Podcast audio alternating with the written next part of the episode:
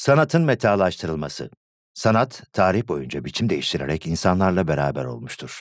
Sanatın sanat için olduğunu savunanlardan tutun, sanatın toplum için olduğu düşüncesine kadar çeşitlilik gösteriyor sanat tartışmaları.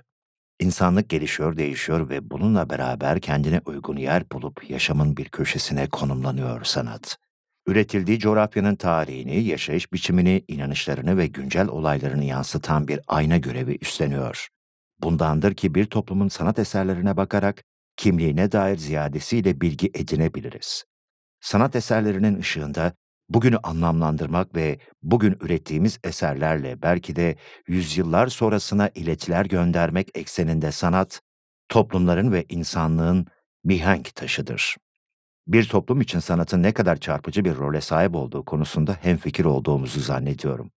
Ben bu yazımda küreselleşen dünya içerisinde sanatın uğradığı metalaşmayı ele almak ve sizlerle beraber düşünmek istiyorum. Estetik felsefesinde para ve sanat karşıt fenomenler olarak kabul edilir. Paradan yarar sağlanır ve çıkar güdülür. Her şeye çevrilebilir ve anlam kazandırmaya yarayabilir. Oysa sanatın sağladığı bir çıkar yoktur. Kendi kendisini anlamlandırır. Başka şeylere çevrilemez. İşte tam da bu noktada sanatın finans piyasasındaki yerine dikkat çekmek istiyorum. Toplum dinamiği üzerinde yukarıda bahsettiğim şekilde hassas bir konuma sahip olan sanat, küresel dünya düzeni tarafından bir meta haline mi getiriliyor? Günümüzde sanat ortamları, finansın yönettiği kurumların ve küreselleşmenin himayesi altına alınıyor. Küresel sistemin çarkları şuursuzca dönerken, sanat fikirlerinin de bu sistemi desteklemesi bekleniyor ve buna itiliyor.